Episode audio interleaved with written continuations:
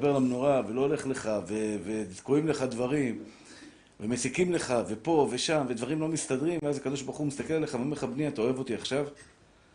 אתה אוהב אותי עכשיו? אתה מסתכל עליי ואומר לי תודה רבה על הכל? זה, ה- זה, ה- זה היום שנפטר הרב שמעון בעדני, זכר צדיק קדוש לברכה, שבאמת, מסר נפש. אולי אתם לא כל כך מכירים אותו, אבל אני אגיד כמה מילים עליו, כי בכל זאת צריך להספיד את הצדיקים. היו כמה, תודה רבה, תבורך מפי עליון, ימלא אדוני משאלות לבך לטובה ולברכה. אמן. אני אגיד כמה מילים ברשותכם על הרב שמעון בעדני שנפטר היום. תראו צדיקים שלי, המצב, בואו נגיד ככה 50 שנה, 60 שנה אחורה, המצב בעולם התורה, בעולם הספרדי, היה גרוע מינוס, ממש גרוע מינוס. ולמה? כולם היו עולים חדשים. העולים החדשים שהגיעו לארץ היו תמימים ברמה של מה שתגיד להם הם יקבלו. שמו אותם במושבים, בקיבוצים, בפריפריות, והם לא, הם לא ידעו, הם לא ידעו שבתי הספר, לצערנו הרב, בתי הספר פה בארץ, היו כולם בידיים אה, צמאות, בידיים שהם מלמדים כפירה, מלמדים נגד השם יתברך. שלחו את הילדים שלהם לבתי ספר. היה אז בתי ספר שלצערנו הרב כפירה הייתה א' ב' שלהם. דרווין, כל השטויות, הטמטום הכי גדול שיכול להיות בעולם הם מלמדים שם. והספרדים, התמימים, אמרו, אה, זה ב... אנחנו בארץ ישראל, מה, מה, מה יכול להיות רע? ארץ ישראל, שלחו את הילדים לבית ספר, וכתוצאה מכך, לצערנו הרב, היה חורבן גדול. היו כמה רבנים גדולים שלקחו מה שנקרא על עצמם את העול הזה כדי להחזיר עטרה ליושנה, לפתוח תלמודי תורה, להחזיר את ה... את ה לפ... גם הספרדים, גם אשכנזים, אבל הם דאגו יותר לספרדים. אשכנזים באו לפה עם בתי ספר, תלמודי תורה, הם היו מסודרים. הספרדים באו בתמימות. היה בתי ספר יהודים בחוץ לארץ, מרוקו, טוניס, טריפולי, פרס, איראן, עיראק, כל המקומות האלה, היה בתי ספר יהודים. הגיעו לארץ, אמרו זה בית ספר יהודי, שלחו את הילדים לבית ספר. אבל כתוצאה מכך, העם ישראל פרק עול. עזבו את התורה, עזבו את המצוות, עזבו את כל, כל מה שקשור לקדושה. באו כמה גדולים, במיוחד בישיבת פורת יוסף בירושלים, שזה היה הרב עובדיה, חכם שלום כהן, הרב שמעון בעדני, הרב עזרא עטיה, חכם בן ציון אבא שאול, עוד כמה גדולי הדור, שהיו מנהיגים, והתחילו להפיץ, בכל, להפיץ לה, מה שנקרא להחזיר עטרה ליושנה. פתחו ישיבות ברחבי הארץ, פתחו תלמודי תורה ברחבי הארץ, פתחו בתי ספר דתיים ברחבי הארץ. היום אתם מלמדים, הילדים שלכם שלומדים בתלמודי תורה, כמו החכם שלומד בתלמוד תורה, ב... כשאני הייתי גר בשכונת התקווה, לא היה תלמוד תורה בשכונת התקווה. היום בשכונת, הת... שכונת... בשכונת התקווה יש, הם עשו את זה במסירות נפש עילאית. הרב עובדיה, הרב עדניה עליו, עליו השלום, חכם שלום הכהן, עוד כמה תלמידי חכמים שהיו מקטטים רגליהם ממקום למקום, כשלא היה שיעורי תורה. אני גדלתי בתל אביב, בתור בן אדם דתי, כמה שיעורי תורה היה בתל אביב? לא היה כלום. בתקופה שאני הייתי ילד, שכונת התקווה, קריית שלום, הרב עובדיה היה בא פעם בשבוע, נותן שיעור שם. היו עוד כמה, רשב"י, בית כנסת רשב"י, עוד כמה בתי כנסת שהיו שיעורים, אבל רוב המקומות היו באים מנחה וערבית, מנחה וערבית, ועושים אה, קבלת שבת, הולכים הביתה. זהו, גמרנו, זה מה שהיה. הם החזירו ממש, ממש, ממש החזירו עטרה ליושנה. ברוך השם, הוא 80 שנה, הוא נפטר בגיל 95. 80 שנה שהוא מסר נפש על התלמידים, על, על סמינר אורח חיים, על לפתוח עוד תלמודי תורה ועוד תלמודי תורה, וממש מסר נפשו על, על, על, על, על העניין הזה, על הילדים שלנו. על הילדים שלנו. עכשיו תראו, בסופו של דבר אני גם תוצר של הפעילות שלהם. מה זה אני תוצר של הפעילות שלהם? כל הרבנים שמלמדים אתכם הם תלמידים של מישהו. והם תלמידים של מישהו. כלומר, בסופו של דבר, הזרעים שהגדולים האלה זרעו והשקו אותם במשך השנים, הם אלו שמפיצים את התורה בכל הארץ ובכל העולם. כי הם דאגו לילדים. אנחנו, ברוך השם, למדנו בתלמודי תורה. כלומר, היה לנו בתי ספר, בתי, בבני ברק אמנם, אבל לקחו אותנו לפנימייה. הפנימייה הזו מישהו דאג שהיא תקרה. להביא את הילדים למקומות האלה. זו פעילות נמשכה, שנמשכה שנים. וברוך השם הוא זכה, הוא זכה שבלוויה שלו היו כל כך הרבה אנשים, הוא זכה שמכבדים אותו כל כך הרבה אנשים, וכל כך הרבה דברים גדולים. היה לו משהו מיוחד שהייתה לו מידת ענווה שאין כדוגמתה. אפילו אליי קטן, שיבדל לחיים טובים, הוא בא לנחם אותי בשבעה. בן אדם בן 90, אה, מה, מי אני, מה, מה חיי שהוא יבוא לנחם אותי. אבל כנראה אמרו לו שיש לו קצת זיכוי הרבים לעודד אותו, לחזק אותו. בא, השתבח שמו לעד, ו- וניחם, ותמיד היה מחזק ומעודד ומקרב, ונותן מילים טובות, ואנחנו צריכים ללכת בדרכיו. אמרתי לכם, אה, אה, הוא חי לא בשביל עצמו, הוא חי בשביל אחרים. מה זה חי בשביל אחרים? יש אדם שחי בשביל עצמו, דואג לעצמו כל הזמן. כל הזמן דואג לעצמו. אה, אני ואני ואני, על הבית שלי, על התורה שלי, גם בתורה, גם בתורה יש אנשים שדואגים רק לעצמם. לומד תורה רק לעצמו. יש בן אדם שדואג לאחרים. יש אחד בא לשיעור, לוקח את האוטו, נוסע לשיעור, מגיע לשיעור, לומד, הולך, חוזר הביתה, שלום על ישראל. מה, תביא חבר איתך.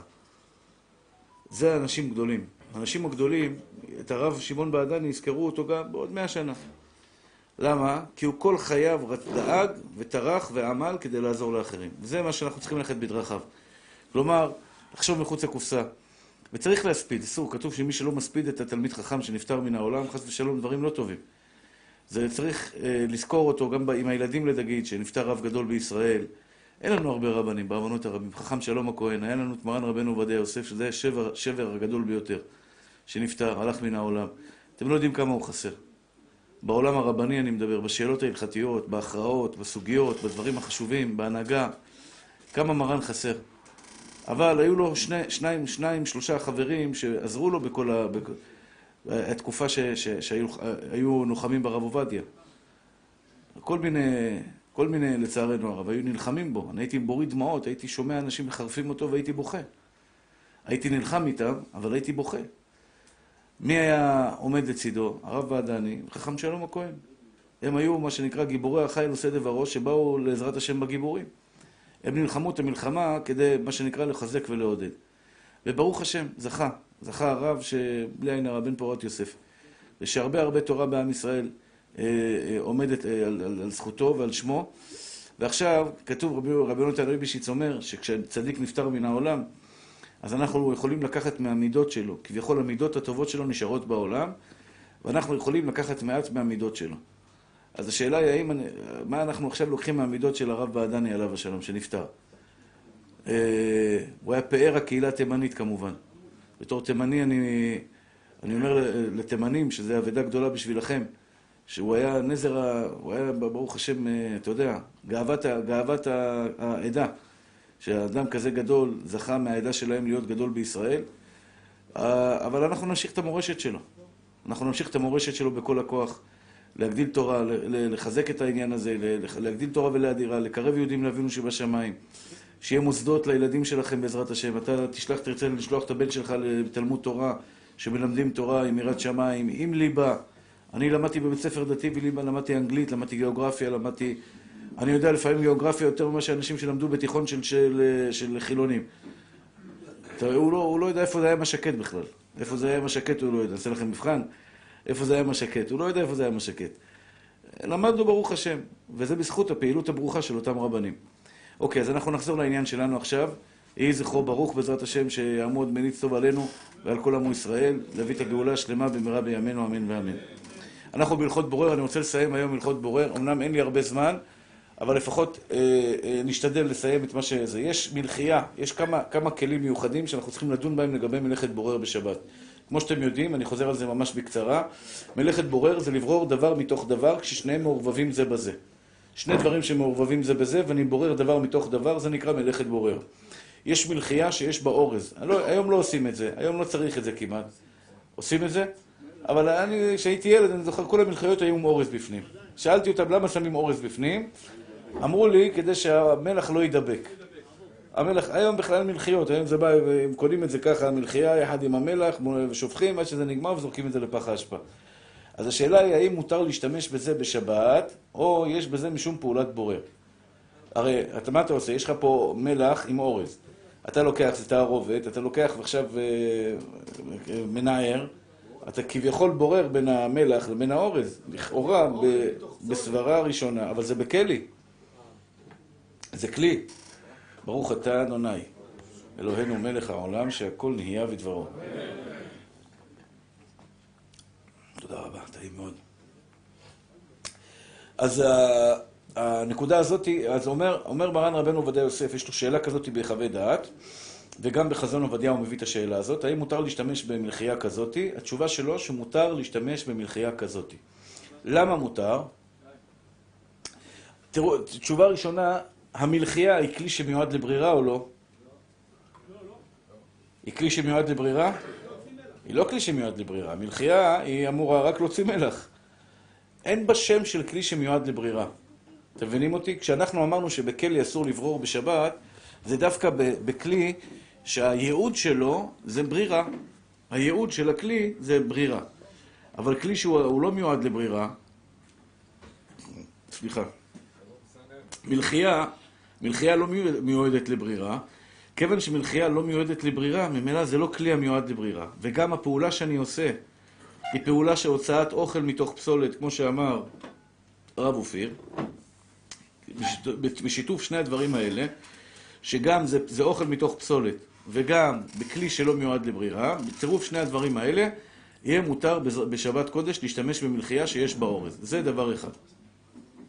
עכשיו, לגבי תה, תה, אה, קומקום תה של הפינג'אן, הפרסים והעיראקים, יש כמה קהילות, אולי מרוקאים, גם אני לא יודע, יש קומקום תה קטן כזה, מכינים בו תמצית, מערב שבת, ומשתמשים בזה בשבת קודש. האם מותר? איך? ברד. כן. אז יש את זה לכל הקהילות. אצל המרוקאים יש כלי אחר שלו, של אה, שיבה ונענה. כן. אז יש לנו, הבנתם, זה הקומקום הזה, הקומקום, יש לו, יש לו רשת בפייה שלו, איפה שיוצא, איפה שיוצא, איך קוראים לזה? יוצא ה... הצ'ופצ'יק של הקומקום יוצא שם זה, יש שם, הזרבובית בדיוק, יש לו שם את הרשת הזאת, ואתה מוזג את התה. השאלה נשאלת, האם מותר יהיה לברור? הרי זה כלי המיועד לברירה ממש, ממש. אתה משתמש עכשיו בדבר הזה, אתה משתמש בדבר הזה, ורוצה, ורוצה לשפוך את התה בשבת קודש לתוך הכוס, ויוצא שהכלי הזה עכשיו הכלי הזה עכשיו בעצם בורר לך בין העלי תה לבין המים. האם מותר להשתמש בזה בשבת או אסור להשתמש בזה בשבת? או, השאלה אם באמת שותים את זה עם מעלים. יפה, כל הכבוד, זיכרון טוב יש לך. בדרך כלל אי אפשר לשתות את זה עם מעלים. העלים, לשתות עם מעלים? שנייה, שיבה עוד מעט אני אגיד. שיבה יש לה מסננת עגולה כזאת של המרוקאים, נכון?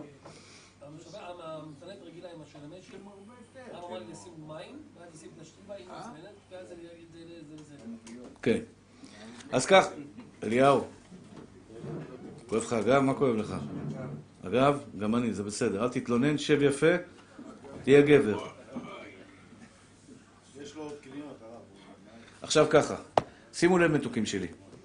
אה, העניין הזה של, של הרב עובדיה דן גם כן בשאלה הזאת, האם מותר יהיה למזוג מהתה או אי אפשר למזוג מהתה. אמרנו כלל מאוד חשוב, מים או שתייה שאני יכול לשתות אותה כמו שהיא, מותר לי לסנן אותה בשבת. כלל, הלכתי, מים או מים או כל סוגי השתייה שהיא מעורבת בתערובת של פסולת בתוכה, אבל אני יכול לשתות אותה כמו שהיא, מותר לי לסנן אותה. לכן הרב עובדיה עושה חילוק כזה. חשוב שתקשיבו, תבינו את ההלכה. אני לא יודע כמה משתמשים בזה היום בינינו, מי, מי עושה תה? בדרך כלל רק המבוגרים עושים את זה. הצעירים עושים את זה עם שקית תה ושלום על ישראל. אבל מי שיש לו כזה אה, פינג'אן כזה, ויש לו שם תה שהוא הכין מערב שבת, אומר הרב עובדיה, כשזה מעורבב, הרב אורי, כשזה מעורבב ביחד, בתערובת חזקה, תערובת של הרבה, ואי אפשר לשתות אותו, אסור למזוג. אבל כשזה שוקע ונשאר רק מיני מיני, בדרך כלל, תן לו שתי דקות הוא יורד. תה, שמכינים תמצית תה, יש שם תה ויש שם כל מיני עלים מעורבבים. בהתחלה כשאתה מערבב אותו, זה הכל מעורבב, אי אפשר לשתות אותו. נכון? כשזה מעורבב אי אפשר לשתות אותו. אתה צריך לחכות מעט, לחכות מעט, אה, חכי וכמעט רגע עד יעבור זעם. תחכה קצת, כשאתה מחכה קצת, אתה, מה שנקרא, השתה יורד, ואז אפשר לשתות את זה. אם יש עלה אחד, שתיים, בדין ויעבור, אפשר להשתמש בו. אבל פחות, יותר מזה, אם זה ממש תערובת הרבה של הרבה, של הרבה אה, עלי תה בתוך, בתוך, בתוך התה, בדרך כלל שם אי אפשר יהיה לשתות את זה ואי אפשר יהיה להשתמש בזה ולכן זה יהיה אסור. לכן הרב עובדיה עושה חילוק. אומר, אם זה מעורבב לפני שזה שוקע, אל תעשה את זה. אבל אם זה כבר שקע, מותר לך למזוג את זה. ודבר חשוב נוסף, בסוף, בסוף, כשיש את הטיפות האחרונות, אל תמזוג את הטיפות האחרונות. כשיש את הטיפות האחרונות בסוף שאתה מוזג, אל, אל, אל, אל, אל תמזוג את הטיפות האחרונות, אלא מה שנקרא תשאיר אותן בקומקום. אני חוזר. קומקום, מה?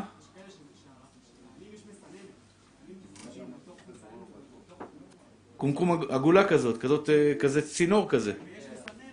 כן, כבר, כבר אני אגע בזה. מרוקאים שמשתמשים בזה, אני יודע ככה, אמרו לי פעם שאצל המרוקאים הם עושים תה עם שיבה, תה עם נאנה, תה עם לואיזה, והם שמים את זה, יש כזה צינור, צינור כזה של רשת, שמים בפנים את העלים, ועל זה שמים זה, זה נותן טעם. נותן טעם. כן, אני עכשיו נזכר שהייתי באיזה בית של מישהו מאוד מפורסם, שאשתו הגישה כזה קומקום, תה של אה, לואיזה וזה. זה כנראה מנהג של אה, יוצאי מרוקו. אז עוד מעט אני כבר אגע במכשיר הזה, איך משתמשים בו בשבת. אה, אני רק רוצה לסיים את הקומקום של התה. הקומקום של התה, ניסים היקר, אתה עיראקי, אורגינל אתה, לא? אתה מבשל את זה מערב שבת. או, עכשיו ניסים שואל שאלה בהלכות מבשל. אבל בגלל שהוא חביב עלינו, אנחנו נענה לו גם כן. האם תה שחיממתי אותו מערב שבת, מותר לי לחממו בשבת? התשובה היא לא. לא משנה. יש בישול אחר בישול בלח, ואין בישול אחר בישול ביבש. הבנת מתוק? תשאיר את זה על הפלטה מערב שבת. מותר להחזיר. אם זה עדיין רותח, מותר להחזיר. אם זה היה על הפלטה, הורדת, מזגת, ואתה רוצה להחזיר חזרה, מותר לך. זה רותח? אה, כן, מותר. אם זה רותח, מותר. חשבתי שיתקרר. מהשאלה ששאלת, חשבתי שיתקרר. אם מותר להכין בשבת, אם שכחת להכין, האם מותר להכין מים חמים? כלי שלישי, כלי שלישי. מכלי לכלי ואז כן מותר. כן. ואם במידה ונגמר, מותר להוסיף מים חמים על זה? כלי שלישי. גם כלי שלישי. כן. קומקום, יש בו תה, ויש בו עלים. כשהעלים מעורבבים ביחד, לא למזגו, זה כרגע לא ראוי לשתייה. כל שלא ראוי לשתייה, יש פה ברירה. כל שהוא לא ראוי לברירה, הוא לא ראוי לשתייה, אסור, יש בו משום ברירה. מה יעשה? יחכה, יחכה עד שהעלים ירדו למטה. ברגע שהעלים ירדו למטה, ימזוג את זה מהתה. ועוד דבר, בסוף, בסיום שלו, בסיום שלו, כלומר כשזה מגיע כבר לטיפות הקטנטנות בסוף, יעצור ולא ימזוג יותר מים. זה לגבי קומקום. מים גם יכול להיות דין של פסולת? מים? המים. בטח. אם יש לי סיר עם אה, פולי סויה, דממי, כן. הוא מלא מים, ואני רוצה, יכול לשפוך את המים מהסיר. או, זה טונה, עכשיו אני אגיע לטונה. אבל תן לי לסיים עם המרוקאים, עם הכלי של המרוקאים. יש. אצל. אה, אה, כמה קהילות בעם ישראל, קהילות קדושות, שיש להם קומקום, בתוכו יש כעין צינור, שהוא אה, מרושת, מרושת, יש בתוכו עלים, שופכים עליהם מים חמים, ובעצם הקומקום מקבל את הטעם של העלים של לואיזה, שיבה, אה, נאנה וכדומה, ומוזגים את זה מאוד טעים. עם סוכר זה ממש מעדן. השאלה היא האם מותר להכין את זה בשבת. אז קודם כל מדיני מבשל, כלי ראשון מבשל. כלי שני לא מבשל, אבל אנחנו מחמירים, יש הרבה שמחמירים שכלי שני גם מבשל, כלי שלישי. כלומר, לא למזוג ישירות מהקומקום, מהמים החמים, ישירות לתוך הקומקום של, ה, של, של הזה, אלא לקחת כוס, עירוי מכלי שני כבר אפשר להקל. הבנתם? מה? איך מחמירים נגד מרן? שאני לא מבשל. יש יוצא מן הכלל שכללי הבישול הרבים האלה. איך מחמירים נגד מרן? שאלה טובה אתה שואל. התשובה היא, כיוון שיש תוספות ועוד כמה ראשונים שמחמירים, ודאי, הוא שואל אבל איך מחמירים נגד מרן? אני לא החמרתי נגד מרן. שמת לב ללשון שלי מה אמרתי? מה אמרתי? אמרתי כלי שני אינו מבשל. אבל כדאי להחמיר ולעשות בכלי שלישי. זו הייתה הלשון שלי, כי אני באמת לא רוצה להחמיר נגד מרן. אבל כיוון שזה איסור דאורייתא, ויש ראשונים שמחמירים, וגם במרן יש דעות לכאן ולכאן, מן הראוי להחמיר. זו תשובה ביביע עומר שהרב עובדיה כתב. הרב משה לוי ביקשה את הקושייה שלך. הרב עובדיה כתב ביביע עומר שיעשה בכלי שלישי. תה, יעשה בכלי שלישי.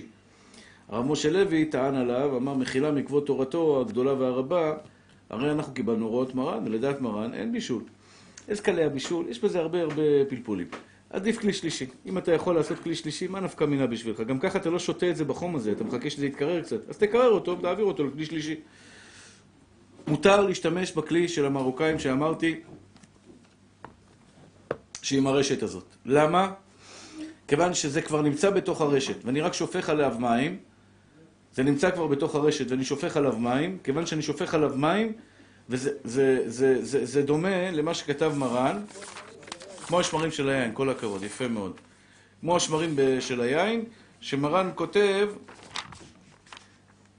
משמרת אפילו תלויה מערב שבת, אבל אם נתן בשמרים מערב שבת, מותר לתת עליהם מים כדי שיחזרו צלולים לזוב. משמרת זה מסננת, שיש עליה, זה בדיוק המקרה שלנו, ממש כל- אחד על אחד. מרן כותב פה, משמרת שמי שהכין פעם יין, מי שהכין פעם יין, יודע שלמטה בחבית יש שמרים. גם בבקבוק, הרב. גם בבקבוק, תלוי, כן. יש למטה שמרים, יפה מאוד. בחבית זה יותר, אה, אה, יותר, יותר גדול ו- ונראה לעין. כשאתה מוזג את החבית, נשאר לך שמרים למטה, אבל אתה יודע, חבל על כל טיפה. במיוחד פעם, שלא, זה הדבר יקר. אז מה היו עושים? היו לוקחים את השמרים האלה, שמים אותם על גבי מסננת, שופכים עליהם מים, המים היו נכנסים לתוך השמרים ויוצאים מתחת, למטה, בטעם, בצ- בצבע של יין ובטעם יין. כלומר, היו ממצים את כל היין עד הסוף, גם את השמרים. רגע, אז, אז פה כתוב שזה מותר. לשפוך שמרים עכשיו על היין, כדי שהמים יזובו מלמטה בטעם יין, מותר. זה בדיוק עם השיבה, ממש כמו השיבה.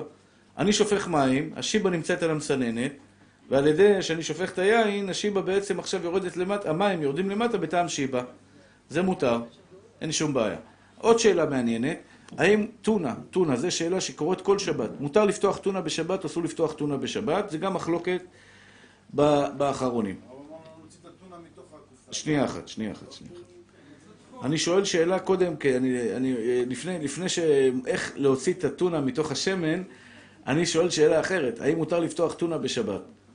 ההלכה היא שמותר לפתוח טונה בשבת, מותר לפתוח טונה בשבת, זיתים, טונה וכדומה, אבל אם אתה רוצה, רוצה להחמיר, אם אתה רוצה להחמיר, לכתחילה כדאי ש... כשאתה פותח את הטונה, תמזוג אותה לתוך צלחת ותזרוק את הקופסה מיד לפח האשפה. כדי שלא יהיה פה ספק שאתה התכוונת לתקן כלי. עכשיו, איך מוציאים את השמן? זו השאלה. יש עבריינים, סתם, אני, אני קצת מקצין כדי לעורר אתכם, יש עבריינים שלוקחים את הטונה ופותחים אותה בשבת, ואחרי זה לוחצים אותה בעזרת הלשונית שפתחו בשבת קודש, וסוחטים את השמן מהטונה. הם בנדיטים חוליגנים גדולים. למה הם בנדיטים חוליגנים? אני, יש לי, היה לי מורה בכיתה ח' כל הזמן, הוא צועק עליי בנדיט חוליגן. כן, זה שתי, שתי מלבורו בשבת אדום, אה, השתבח שמו לעד, שתי, שתי הדלקת סיגריות בשבת. שתי איסורי דאורייתא, לא בטוח שתי איסורי דאורייתא, אבל הוא ודאי עשה איסור.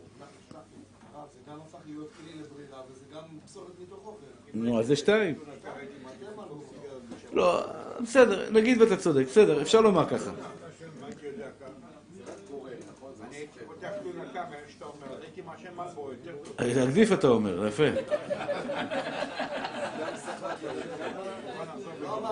לא לא טוב, אליהו, אתה רוצה שכאבי גב יעברו לך, ממי?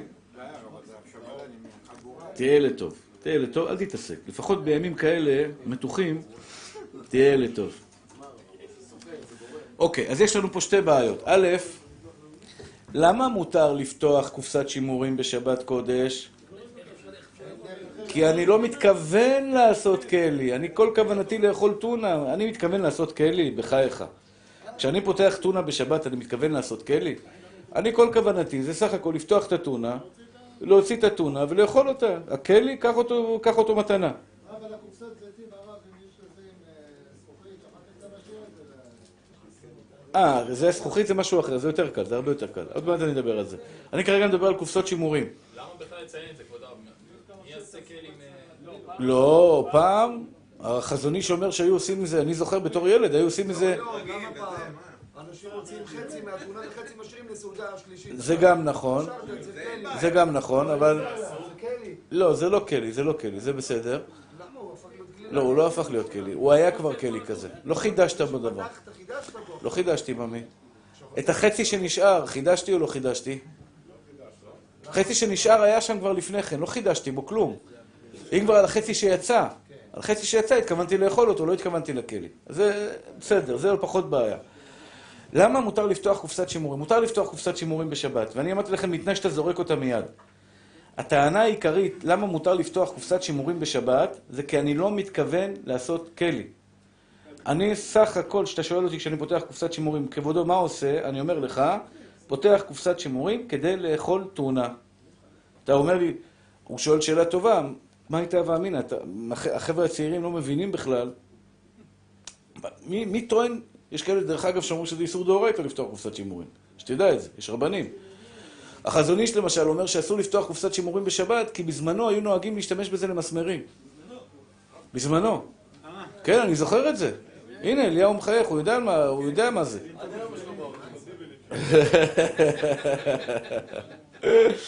היו פעם משתמשים בזה לסבונים, לאסוף מסמרים? מהסרדינים, לא לעשות מסמרים. לאסוף מסמרים? כן, כן. היה לך עכשיו טונה? פעם לא היה כסף, שתבין, לא היה פלסטיק, לא היה.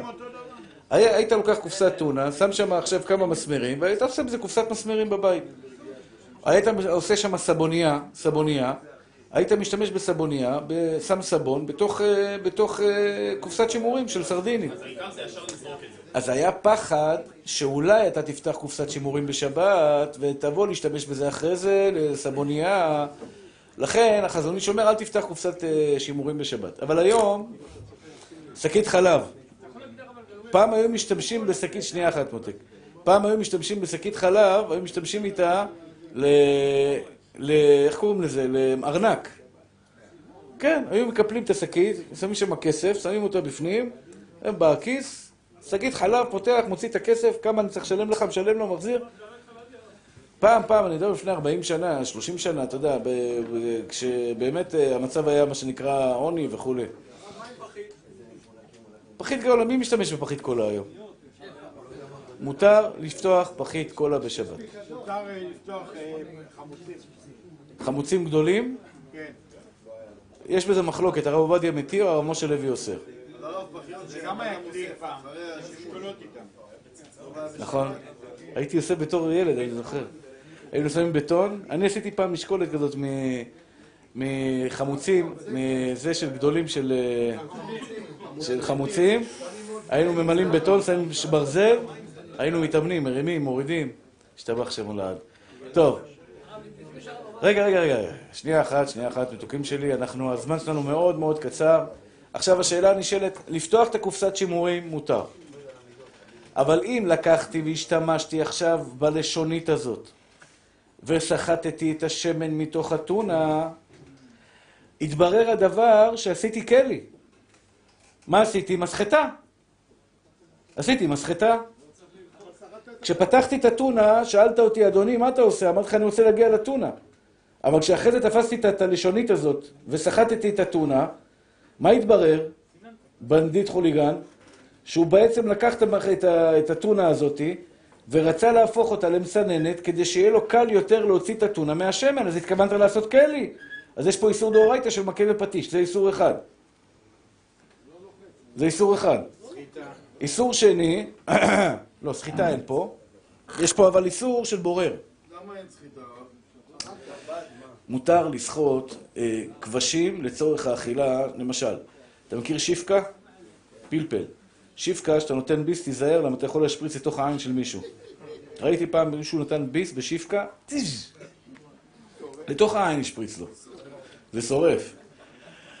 אי אפשר לאכול את השיפקה, הגדולים במיוחד, עם, עם, עם המיץ בפנים. אז מה אתה עושה? סוחט אותו ואוכל, נכון? אותו דבר, אותו דבר, אותו דבר, מלפפון חמוץ. הרבה פעמים אתה נוגס במלפפון חמוץ, אתה מרגיש שהוא מלא במים. לא נעים לך לאכול אותו ככה. אז מה אתה עושה? אתה סוחט את ה... מותר לעשות את הסחיטה הזו של המלפפון חמוץ מהמים שבתוכם כדי לאכול את המלפפון חמוץ או לא? התשובה היא ככה. פעמים שמותר, פעמים שאסור. אם אני סוחט את המלפפון כדי לאכול את המלפפון, ולא נעים לי לאכול אותו עם המים שבתוכו, מותר. אני לא צריך את המים, אני צריך את המלפפון. אם הסחיטה היא לצורך המלפפון, כדי שאני אוכל לאכול את המלפפון חמוץ או את השיפקה, זה מותר. אבל אם הסחיטה היא בשביל המים שבתוכו, אתה רוצה למזוג את זה על השווארמה, לשים את המים על סלט ירקות, זה אסור.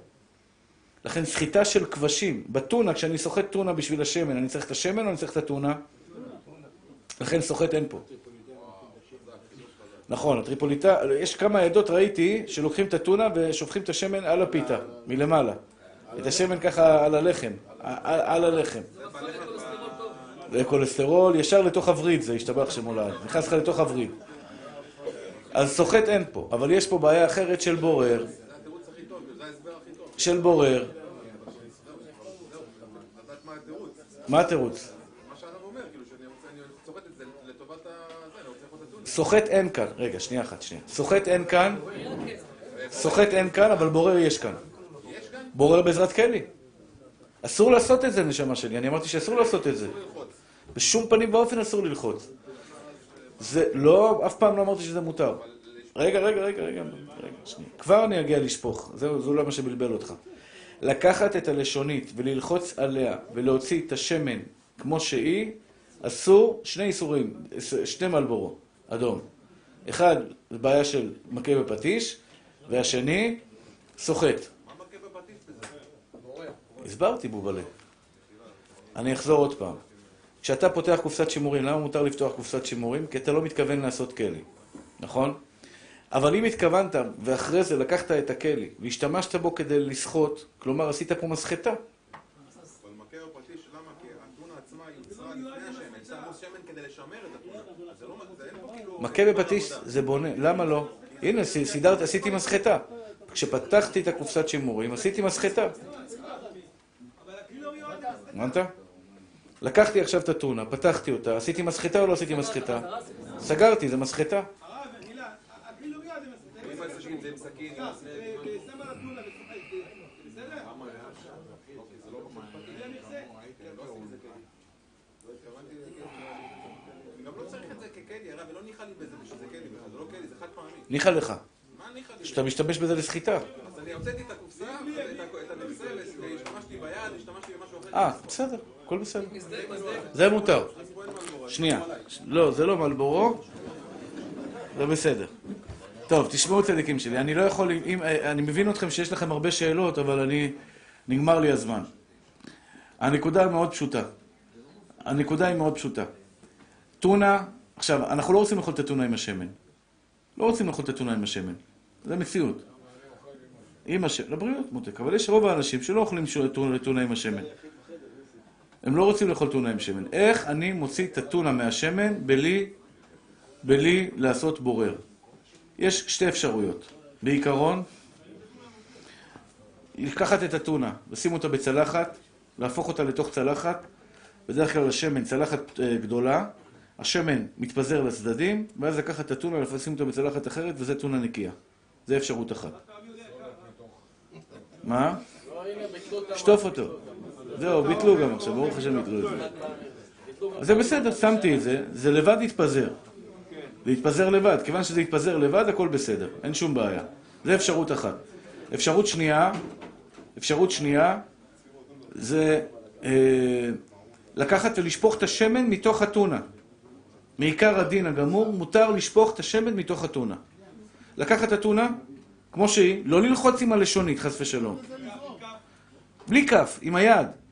לקחת, לשפוך, עד שישפך הטונה, שים את זה בצלחת ויאכלו ענבים ויסבר. אתונה. מה? כן, אם יצאו חתיכות טונה, יש כאלה שאומרים שיצאו חתיכות טונה, אבל זה לא מעיקר הדין. אפשר לחסום אז עם המכסה? לא, חס ושלום. לא לגרום... לחסום לא בקטע של לשחות, בלי לשחות. לא לא לא, לא, לא. אסור, אסור, המותק, אסור. זה אסור. זה אסור. עם כף? להוציא עם כף? לא. מה? אה, ללחוץ עם כף. כן. אה, ללחוץ עם כף, ללחוץ עם כף. אתה הופך אותו ואז אתה שם את הכף. למה ללחוץ, הרב? למה לא להרים את זה? להרים את זה עם מה? מצוין, מצוין, עוד יותר טוב. להרים את הטונה עם מזלג זה גם עצה טובה. הבעיה היא שהרבה אנשים אומרים זה יוצא עם שמן. לא, הוצאת אוכל מתוך פסולת. לא, אתה... זה המקרה הקלאסי. המקרה הקלאסי זה לקחת מזלג ולהוציא את הטונה עם, עם מזלג או עם כף, להוציא עם כף, להניח את זה בצלחת ושלום על ישראל. גם, מה שנוח לך, גם מזלג, גם כף יהיה מותר. מה? המזלג מותר. זה בסדר. מזלג מותר. יד האריכתא. בסדר מתוקים שלי? טוב, אני מצטער, אבל אני חייב לעבור ללכות לשון הרע, נגמר לי הזמן. לא, אסור. אסור. מותק. אצלי. אסור. הלכות לשון הרע, רבותיי היקרים?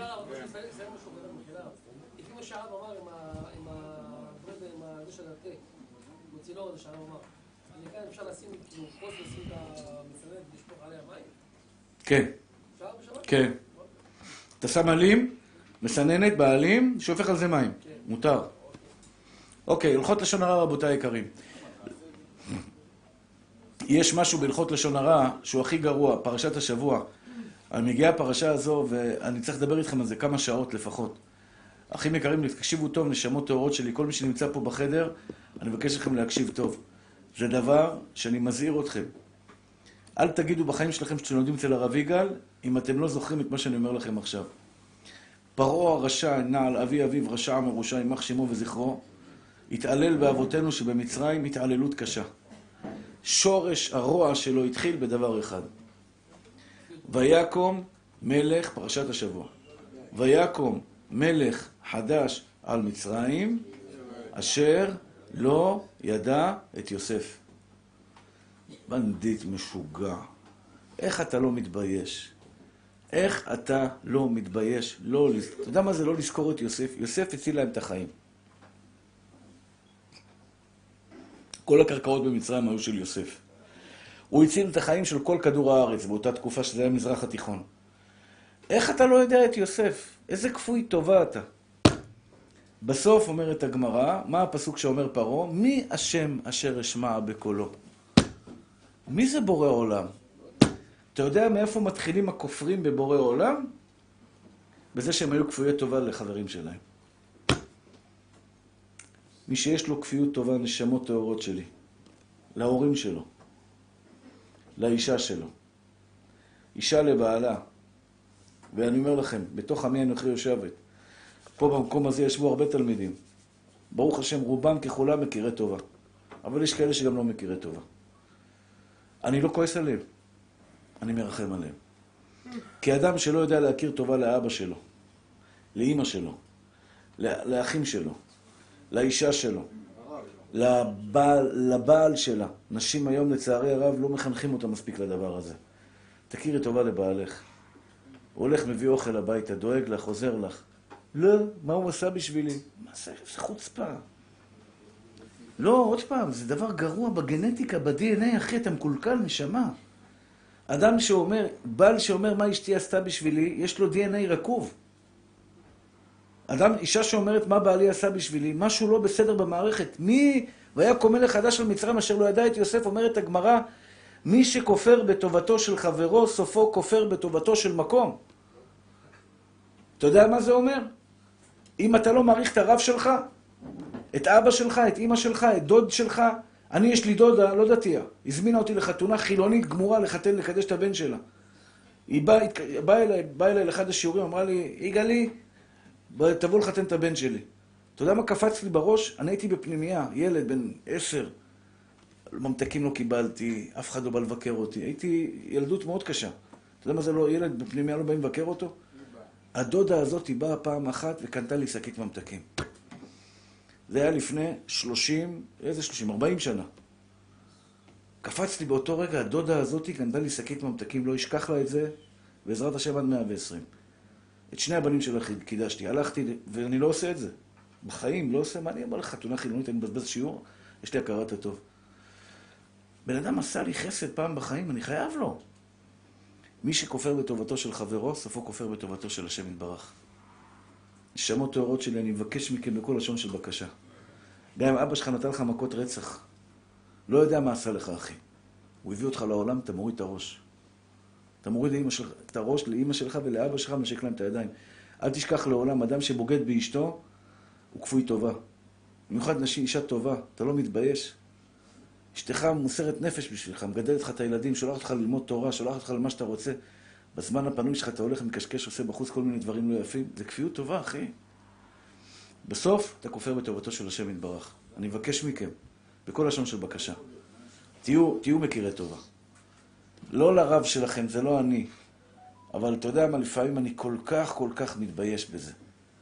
בן אדם למד תורה אצלך, למד תורה אצלך, ורואה אותך באיזה אירוע, ולא רואה אותך ממטר, אפילו שלום לא בא להגיד לך.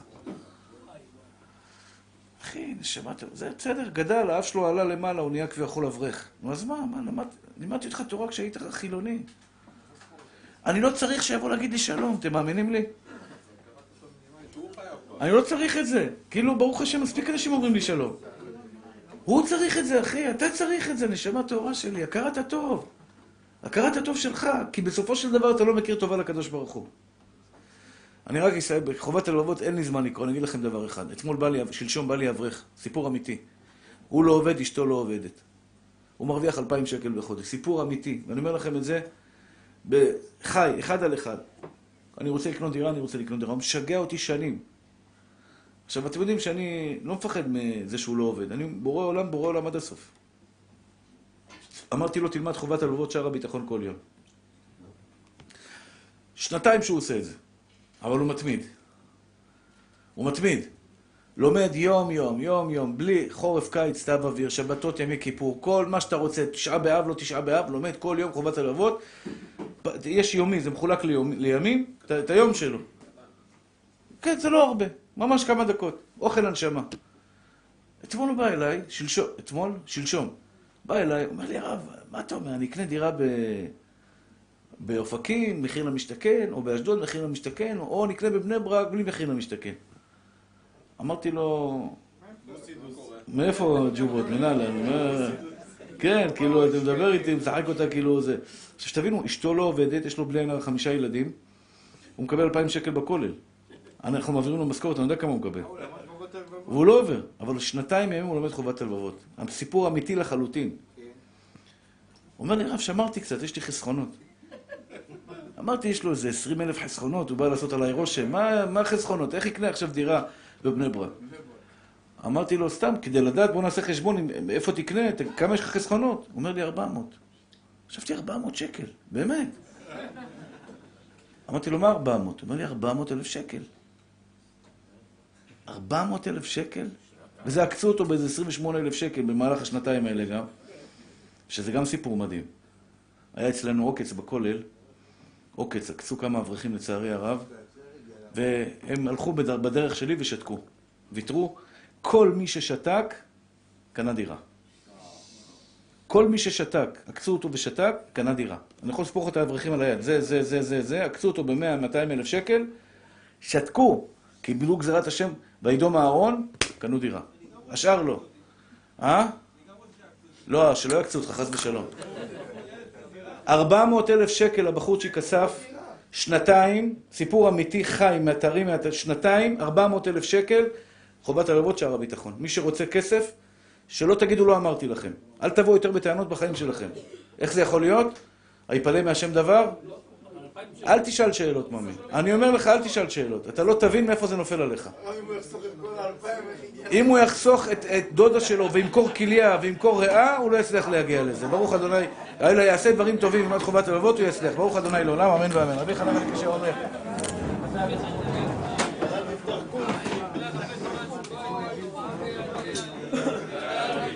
שימי,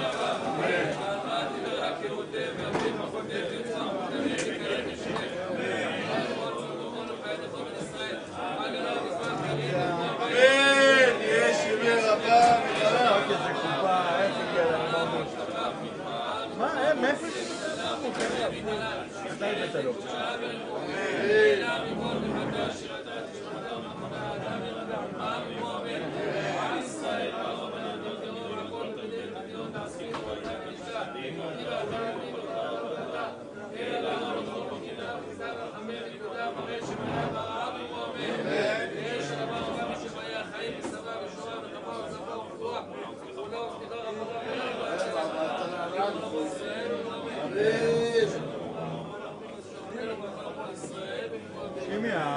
הטלפון שלך דלוק בכיס מאחורה. תשאל שאלות, ברגע שאתה רוצה לשאול שאלות. תביא, תביא, תביא.